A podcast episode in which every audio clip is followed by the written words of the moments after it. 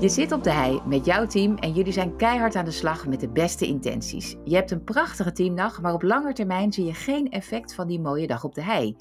Teamcoaches doorbreken vaak niet de onbewuste onderliggende patronen. Die afhankelijkheid van de teamcoach houdt juist zo'n onderliggend patroon vaak in stand. Want als team blijf je kijken naar de leider, naar de teamcoach. Help ons beter samen te werken. En juist dat is een patroon wat gewoon door blijft gaan ook als je weer terug bent in het werk.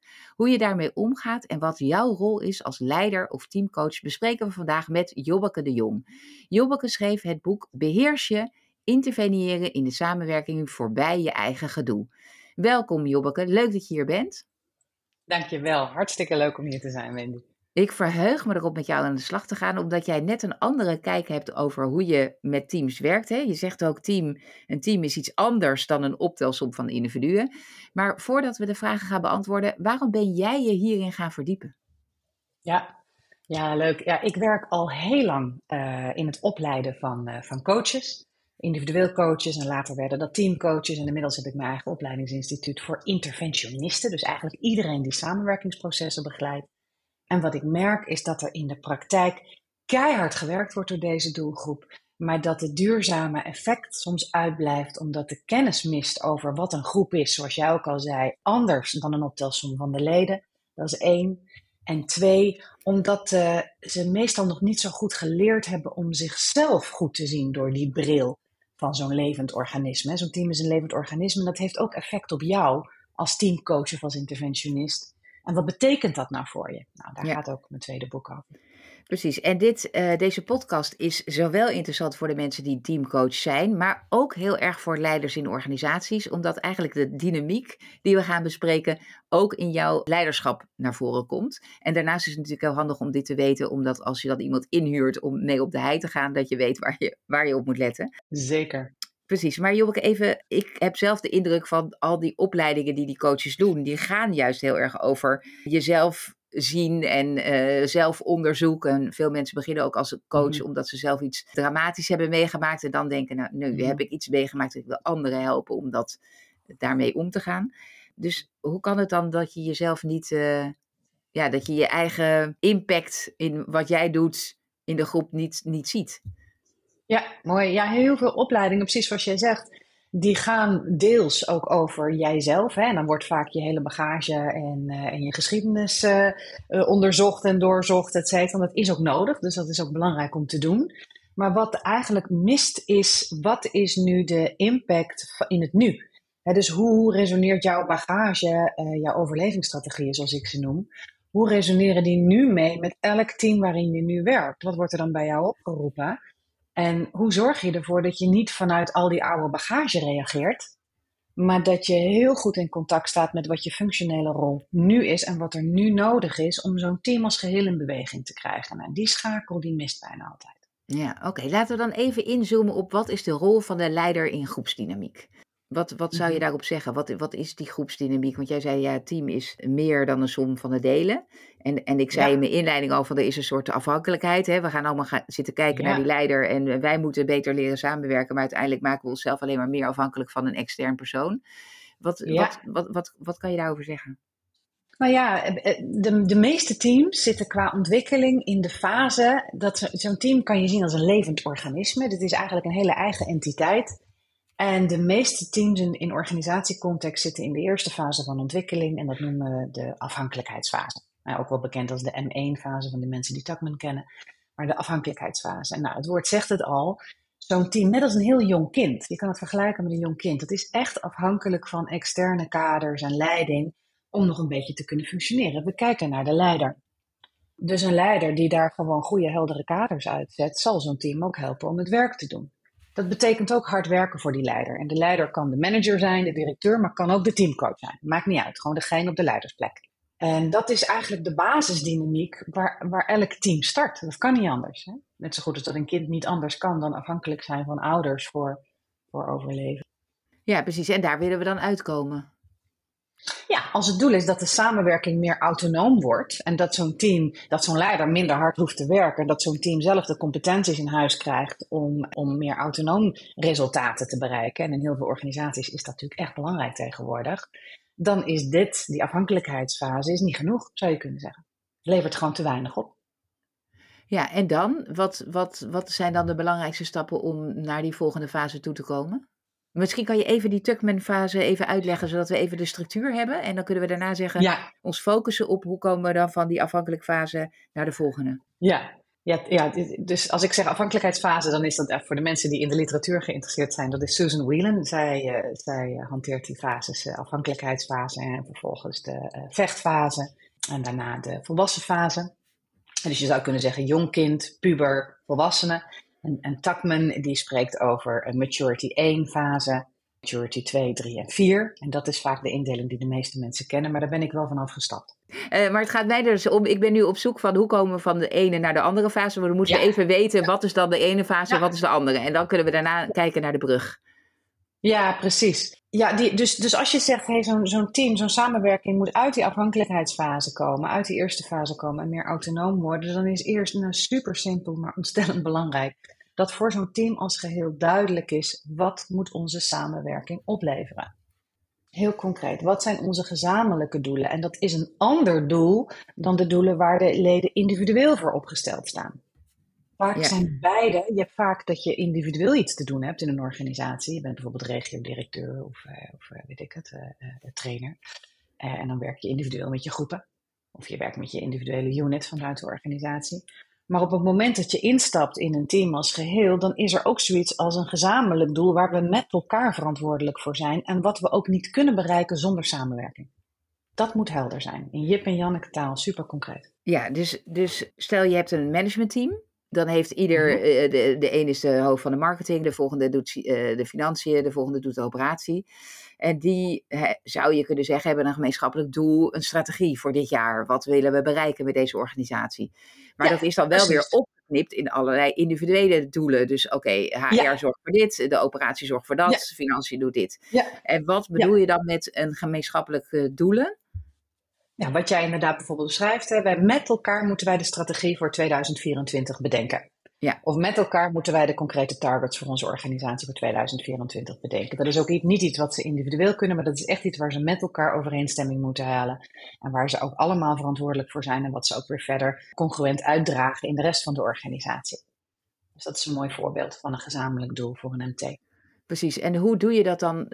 Wat bedoel je dan met die gezamenlijkheid van wat moet onze samenwerking opleveren? Dan zeg je dat moet dan een gezamenlijke strategie uiteindelijk opleveren. En wordt daar het samenwerken. Want ik heb het idee dat je nog iets, iets anders bedoelt met hoe je dan goed daarom samenwerkt. Want ook dat zou je weer kunnen opsplitsen dan in, oké, nou, dan doet financiën deel wat gaat over financiën. En iedereen levert zijn eigen stukje aan. En daar, dan ben je toch nog steeds het niet echt samen aan doen.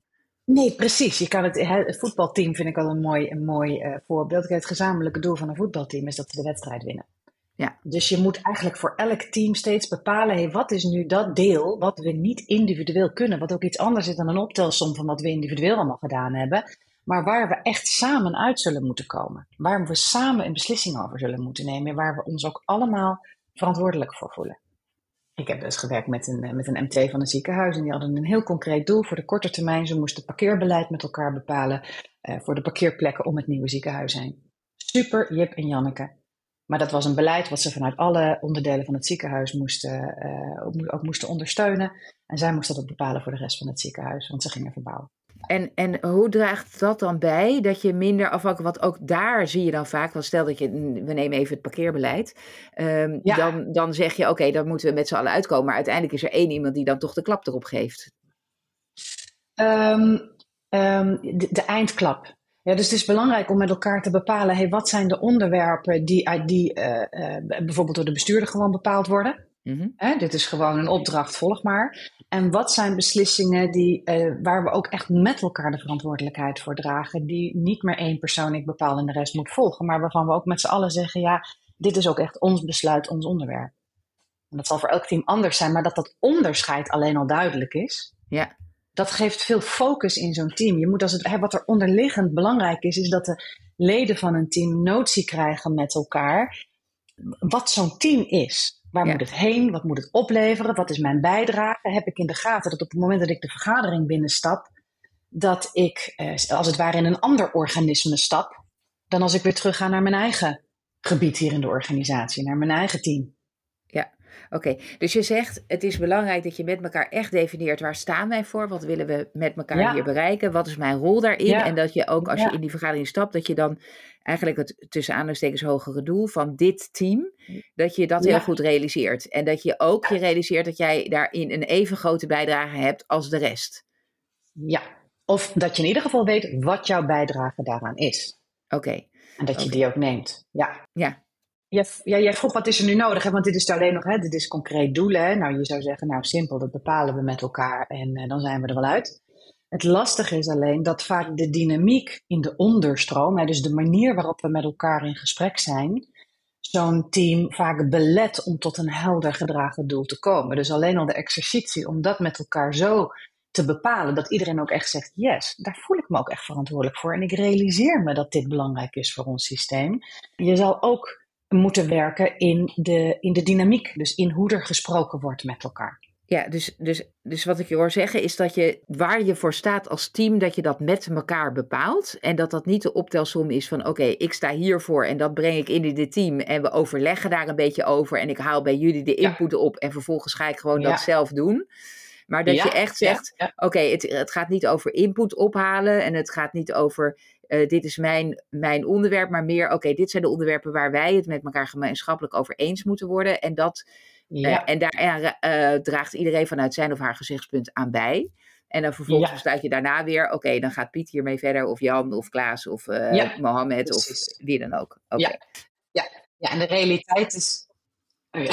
ja, ja, ze gaan verder. Nou ja, de realiteit is natuurlijk dat beide er zijn. Hè? Dus het is niet het een of het ander, maar er zijn vaak inderdaad onderwerpen die we met elkaar moeten dragen. Die horen gewoon bij het domein van onze samenwerking. En er zijn ook uh, onderwerpen die ik alleen klaar en waar ik inderdaad mijn collega's over informeer. En wat input, precies wat jij eerst noemde, input over ophaal. En dan ga ik weer terug naar mijn eigen eh, plek in de club, in de organisatie. En daar doe ik mijn ding. Zo, dus beide realiteiten zijn waar. Ja. Oké, laten we dan nu nog even focussen op van die, die leiderschapspositie of de interventionist. Hè? Dus we hebben, ja. want je boek, daar, dat, dat is de, de kern van jouw boek ook over de rol van degene die in dat team stapt als leider. Of, of misschien zou je kunnen zeggen, in een MT heb je een, een, vaak een CEO zitten, die is dan de, de leider van die groep. En dat in wat die leider doet, je vaak een afhankelijkheidsrelatie creëert in het team. Kan je ons even meenemen daarin en ook vooral wat we moeten doen om dat te voorkomen? Zeker. Zeker, ja. Dus, dus inderdaad als interventionist, of je nou leider of teamcoach bent, in ieder geval je bent die samenwerking aan het begeleiden, je zit met elkaar op de hei. Uh, Zo'n team gaat naar jou kijken om dat gesprek met elkaar, stel je hebt ze aan het werk gezet met elkaar, joh, ga met elkaar die doelen uh, helder krijgen. Dan zullen ze naar jou kijken om dat gesprek te leiden. Want ze raken zelf waarschijnlijk verstrikt in ineffectieve uh, ja, gesprekspatronen, hè, ineffectieve manieren van praten met elkaar. Ze komen er niet uit en je gaat enorm de druk voelen om dat goed te reguleren en om ze daaruit te helpen. Dus ik zie heel veel leiders en teamcoaches hard werken om die gesprekken goed te laten verlopen. En dat kunnen gesprekken zijn over doelen. En soms starten ze meteen met sessies al diep in de onderstroom, hè, feedback sessies. Zonder dat duidelijk is wat het doel is. Hè. Dus dan, dan gaan we meteen al in de feedback over elkaar. En ook dat wordt vaak geleid door de interventionist. Dus wat je daar wil, is dat je weet stapsgewijs, hey, wat is nu de opbouw van een begeleiding, zodanig dat zo'n team jou op een gegeven moment als interventionist niet meer nodig heeft. En dan, dan zit zo'n team ook in de volgende fase. Dan is zo'n team ook doorgegroeid naar de volgende fase. Ja, en heb je daar dan ook een concrete soort stappenplan van doe eerst dit en dan dat en dan zus in je, hmm. in je boek beschreven? Ja, nou ja, als je kijkt naar, naar mijn eerste boek, Competente Mensen in Competente Teams, daar staat wel degelijk uh, een, een, logische opbouw. Het lastige is alleen dat de praktijk, het is gewoon complex. Dus als, je, als het gaat over samenwerking begeleiden, er is geen quick fix. Je zal iedere keer moeten dealen met de situatie zoals ze zich op dat moment aan jou laat zien. En je zal iedere keer moeten bepalen, hey, kijk het naar wat nu de context is, wat nu de doelstelling is, waar het team nu staat. Wat zijn dan nu goede interventies om te doen en wat kan ik gewoon nu ook beter laten? En dat moet je iedere keer weer opnieuw, uh, ja, leer je daarin navigeren eigenlijk. Ja, ja, en, en een van jouw hoofdstukken uh, heet ook Oud, ze zijn volwassen. Is het niet ook zo dat veel, uh, veel interventionisten of teamcoaches het ook wel fijn vinden dat het team een beetje afhankelijk wordt van jou? Want dat geeft je ook wel een goed gevoel, hè? Want uh, zij zijn blij met je en, je en je, je voegt waarde toe en je doet iets wat goed is. Ja, zeker. Ja, nee, absoluut. Ja, dus dat, dat zijn mooie dingen om in jezelf aan te gaan kijken. Wat is, ja, inderdaad, eh, veel van ons, uh, including myself, vinden het heel prettig om een soort reddersrol te kunnen vervullen voor, te kunnen vervullen voor een team in nood. Dat, is, natuurlijk heel menselijk om op die manier behulpzaam te willen zijn. En zo heb je vaak ook geleerd, zo ben je van waarde voor het systeem als je maar helpt en kan redden. Dat is op zich ook helemaal niet erg. Het enige lastige is dat een team daar niet zelfstandig van leert functioneren. Zolang als jij nodig blijft willen zijn en je eigenlijk onbewust vanuit dat motief je interventies aan het doen bent, ja, dan is het grote verlies dat het team ook altijd naar jou in de afhankelijkheid zal blijven. Ja. Dus het kunnen verduren dat je minder nodig bent en dan nog steeds je stevigheid kunnen blijven pakken als interventionist is echt nodig om dit vak ook goed te kunnen doen. Ja, en dan ook duidelijk te maken aan de organisatie dat je wel degelijk nog nodig bent. Of dat je het juist goed hebt gedaan als ze je niet meer nodig hebben. Hè? Als, ze, als ze jou eigenlijk zeggen van nou, we hebben jou niet meer nodig, dat, je dan, dat het juist goed is. Nou ja, wat het leuke is daaraan, dat, ze dat, dat hoef je ze vaak helemaal niet te vertellen, want ze gaan het gewoon merken. Ze gaan in één keer merken dat processen, dat samenwerkingsbeslissingen waar ze vroeger gewoon niet uitkwamen, ja. dat die nu helder zijn, genomen zijn, iedereen gedraagt zich daarnaar. Dus het rendement van die samenwerking gaat gigantisch omhoog. Dus het is volkomen duidelijk dat, eh, dat jouw eh, interventies en de manier waarop je het aangepakt hebt gewoon heel goed was. En dan word je gewoon weer teruggevraagd voor het volgende team of het kletst zich door uh, in het netwerk uh, van de mensen van het team. En dan nou. ga je weer iets anders doen. Dus laten we nog even in de laatste tien minuten die we hebben, of acht minuten, laten we nog even naar de structuur kijken. Dus ik heb een team. wij moeten met elkaar gezamenlijke doelen bereiken. We werken niet ideaal samen, dat voelen we met elkaar. Ja. daar willen we wat aan doen. Wat, wat zijn de stappen die belangrijk zijn om te doorlopen als team, inclusief het misschien erbij betrekken van iemand van buiten om je te laten helpen daarbij? Ja, nou ja, eerste die hebben, hebben we natuurlijk al doorgenomen. Hè? Dus, dus weten, oké, wat moet onze samenwerking dan concreet opleveren? Hebben alle leden ook door dat dat niet een kwestie is van heb je daar wel of geen behoefte aan, maar dat dat gewoon hoort bij het domein van het team, gewoon functioneel. Uh, en vervolgens moet zo'n team leren, hey, wat vraagt dat nou van de manier waarop we met elkaar in gesprek zijn? Dus als interventionist begeleid je zo'n team in dat ze zo met elkaar in gesprek leren gaan dat ze ook samen kunnen bouwen aan een eindresultaat. Want ook in heel veel teams wordt er vaak heel hard gewerkt, maar er wordt niet samen gebouwd. Kun je dat iets concreter maken voor mij wat je daarmee bedoelt? Dus leren wat het vraagt, de manier waarop we met elkaar in gesprek zijn? Nou, misschien herken je dat heel veel teamvergaderingen ineffectief zijn, omdat er bijvoorbeeld uh, Mohammed zegt wat en daarna komt Maria en die zegt ja, maar Mohammed, ik vind toch dat. En daarmee duwt ze eigenlijk de input van Mohammed weg en Maria zegt iets. Daarna komt Ernst en die zegt ja, leuk Maria dat je dat zegt, maar, hè, dus weer een ja maar. Dus vaak zijn dat de patronen die, aan de, aan, die, die, die dominant zijn in het systeem. Ik noem er nu maar één, want er zijn er heel veel te zien die het beletten om samen tot een eindresultaat te komen, waar zowel Maria als Ernst als Mohammed zeggen: Yes, dat, dat draag ik, dat steun ik, daar ga ik voor zorgen, dat komt goed. Uh, dus heel veel vergaderingen leveren resultaten op die vaag zijn, waar toch een aantal leden het niet mee eens waren, maar die bleven stil, die hebben dat niet uitgesproken, maar gaan dan vaak politiek bedrijven in de wandelgangen. Uh, nou, dat, dat, dat wil je dat zo'n systeem dat gaat zien, gaat herkennen en leert wat er nodig is om met elkaar ook tot een resultaat te komen waar alle leden van zeggen, ja, daar ben ik eigenaar van. Ja, precies. Oh. Oh, we horen even de hond op de achtergrond. Ja, er wordt misschien aangebeld. Of... ja, ik geloof inderdaad dat er wordt aangebeld. Ja, ja nee, helemaal niet erg. Um, Oké, dus, dus en wat zijn dan bijvoorbeeld, kan je een voorbeeld nemen, geven van iets wat je zou kunnen doen om niet in die ja maar en, en we, we, we noemen even alle, allemaal onze eigen dingetje op? Ja, nou, heel belangrijk is dat jij als interventionist, dat jij die patronen leert zien. Dus het eerste belangrijke is dat je gaat leren kijken naar systeemdynamiek in termen van patronen. Want dat vinden we vaak al heel erg lastig. Uh, maar dat is nodig. En vervolgens is het belangrijk dat je die patronen, bijvoorbeeld zo'n ja-maar-patroon, leert spiegelen aan het systeem als geheel. Want ik wil niet zozeer het patroon fixen. Dat is pas veel later belangrijk. Het eerste belangrijk is dat het systeem zich bewust wordt van alle manieren van in gesprek zijn met elkaar die niet werken. Dus die bewustwordingsfase is belangrijk. En dat is natuurlijk lastig, want dat vraagt dat je dat even uithoudt. Dat je even als interventionist bij ineffectieve gesprekken blijft. Je gaat nog niet fixen, maar je weet, ik ga eerst zorgen dat zij zich bewust worden. Want ik wil dat ze het zelf gaan herkennen. Ik wil dat ze mij op een gegeven moment niet meer nodig hebben om de patronen, de ineffectieve patronen, te gaan herkennen. Maar na een aantal sessies, een sessie of zes, ben ik niet meer nodig, want ze kunnen het zelf. Precies, oké. dus je zegt, we gaan eerst zeggen wat uh, moet het opleveren, wat, uh, wat het domein van het team. Dan leren wat het vraagt om op een goede manier eigenlijk met elkaar op gesprek te zijn. En dat begint uh, in gesprek te zijn, dat begint met het bewust worden van ineffectieve patronen. En dan de volgende stap. Klopt. Nou ja, en op een gegeven moment, bij die, op het moment dat zo'n team zich bewust wordt, dan ontstaat er ook steeds meer bereidheid om met elkaar te experimenteren met gedrag dat wel werkt. En het lastige daaraan is dat dat gedrag is wat niet uh, volgens onze eerste impuls is. dus zowel het begeleiden van samenwerking als het samenwerken zelf in zo'n team vraagt een enorme bak aan impulsbeheersing. Ja. En daar ook de titel van het boek Beheersje. Ja, precies. Beheersje. Dat geldt voor de interventionisme, maar dat geldt net zo goed voor de leden in het systeem. Ook zij moeten hun primaire impuls gaan leren beheersen en gaan leren zien hey, welk gedrag helpt ons wel om er samen uit te komen. Ja. En dat kost gewoon wat tijd. Oké, dus dan gaan we naar uh, beheersen en dan gaan we kijken wat helpt dan wel. Hè? Dus, dus ik, ik, stel me daar dan dingen bij voor als, uh, ik ga niet meteen zeggen ja maar, maar laat ik even eerst benoemen wat vind ik daar eigenlijk heel goed aan wat jij zegt. En, en wat zou daarop aanvullend kunnen zijn? Hè? Stel, ik, ik hoor jou dit zeggen. Uh, en wat ik me zou kunnen voorstellen is als we dit erbij als we dit dan ook nog doen, dat het dan extra sterk wordt of zo. Hè? Ik Precies. doe maar een voorbeeld, zoiets. Ja. Nou, heel, heel, eh, heel waar wat je zegt. Ja, inderdaad. Ik sluit bij je aan en ik bouw voort. Ja, precies. Ik sluit bij je aan en bouw voort. En dan, uh, is het dan, dan, dan komen we dus in een, in een betere teamdynamiek terecht. Ja. En, en zijn we er dan?